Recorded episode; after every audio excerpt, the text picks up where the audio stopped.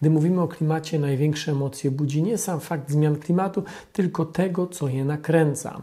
Przez ostatnie tygodnie mówiłem o aktywności Słońca, o parze wodnej, o rolnictwie, wyjaśniałem wiele mitów, a w tym odcinku chcę opowiedzieć o człowieku.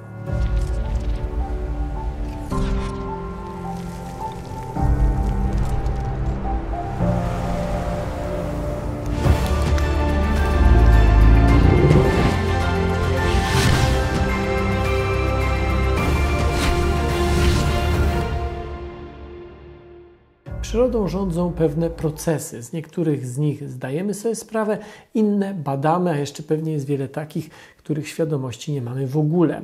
W jednym z pierwszych odcinków klimatycznego cyklu opowiadałem o mechanizmie, który powoduje, że część energii wyemitowanej przez rozgrzaną Słońcem powierzchnię Ziemi jest zatrzymywana mm, w atmosferze.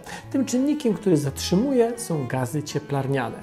Nie mamy wątpliwości, że ich stężenie rośnie. W poprzednim odcinku mówiłem o parze wodnej i o metanie.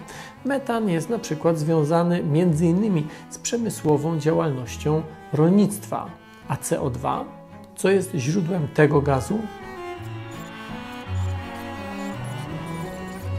CO2 przybywa, a powodem tego wzrostu jest działalność człowieka. To twarde stwierdzenie nie jest wynikiem jednego konkretnego pomiaru, tylko wynikiem wielu różnych pomiarów wykonywanych różnymi sposobami w wielu różnych miejscach na Ziemi rośnie ilość emitowanego przez nas dwutlenku węgla i rośnie ilość CO2 w atmosferze. Co do tego nie ma wątpliwości, bo mamy te dane z wielu pomiarów. Ten wzrost jest bezprecedensowy. Tak wysokiego poziomu CO2 nie było od przynajmniej kilku milionów lat.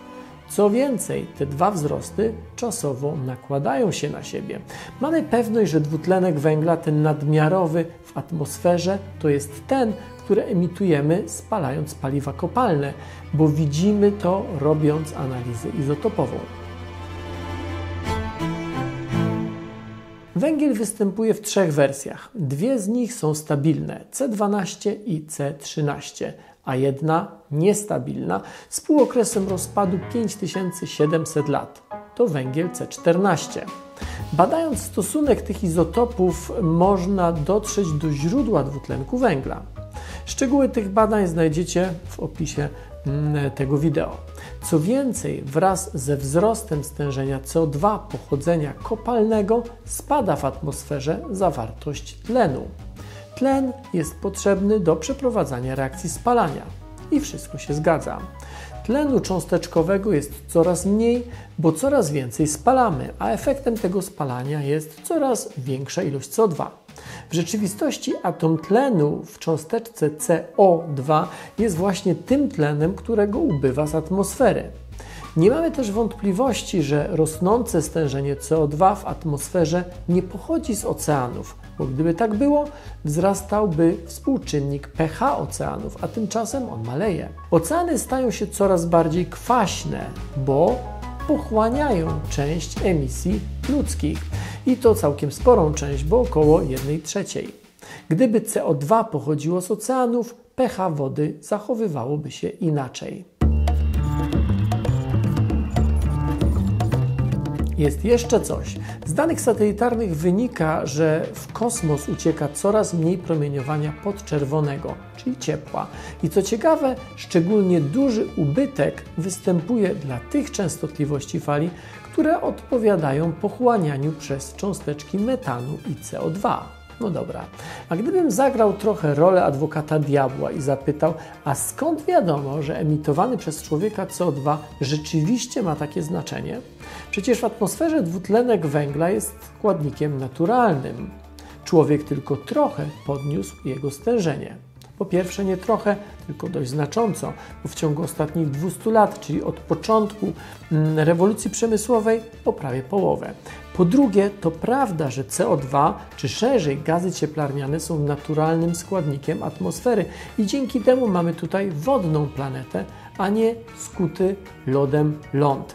Ale to, co zadziało się od początku ery przemysłowej, y, to naruszenie pewnej równowagi która spowodowała rozregulowanie całego tego mechanizmu. I mam tutaj na myśli chociażby sprzężenia zwrotne, w tym to związane ze stężeniem pary wodnej, o którym opowiadałem ostatnio. Przyroda emituje około 20 razy więcej CO2 niż człowiek, ale te naturalne emisje są zbilansowane mechanizmami odpowiedzialnymi za pochłanianie tego gazu, podczas gdy emisje antropogeniczne, czyli te ludzkie, są nadmiarowe. Dawno temu, gdy ludzie emitowali, czy gdy em, dwutlenku węgla emitowanego przez ludzi było niewiele, on był pochłaniany przez przyrodę w całości. Ale emitując coraz więcej, dzisiaj mamy sytuację, w której przyroda nie jest już w stanie zagospodarować tego nadmiarowego CO2. Rocznie produkujemy i wypuszczamy do atmosfery około 40 miliardów ton CO2, ale w atmosferze zostaje z tego tylko połowa albo aż połowa. Każdego roku kilkadziesiąt miliardów ton i każdego roku więcej niż poprzedniego. Spójrzcie na ten wykres. To zmiany stężenia dwutlenku węgla w atmosferze mierzone na stacji Mauna Loa na Hawajach. Identyczne wykresy pochodzą z innych stacji pomiarowych. Spójrzcie na tą niebieską linię. Ona zmienia się w cyklu rocznym. Stężenie CO2 spada wiosną i latem, gdy rośliny czy ich zielone części ten dwutlenek węgla magazynują. A potem przychodzi jesień i liście spadają, a rośliny jednoroczne obumierają. I wtedy pochłonięty wiosną CO2 jest oddawany. Innymi słowy, emisje związane z działalnością człowieka się kumulują podczas gdy emisje pochodzące ze źródeł naturalnych są równoważone pochłanianiem. Patrząc na zmiany stężenia CO2 w dłuższym czasie, widać wyraźnie skalę tego problemu.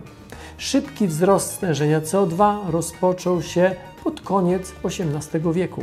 W 1769 roku James Watt opatentował maszynę parową i był to symboliczny początek rewolucji przemysłowej.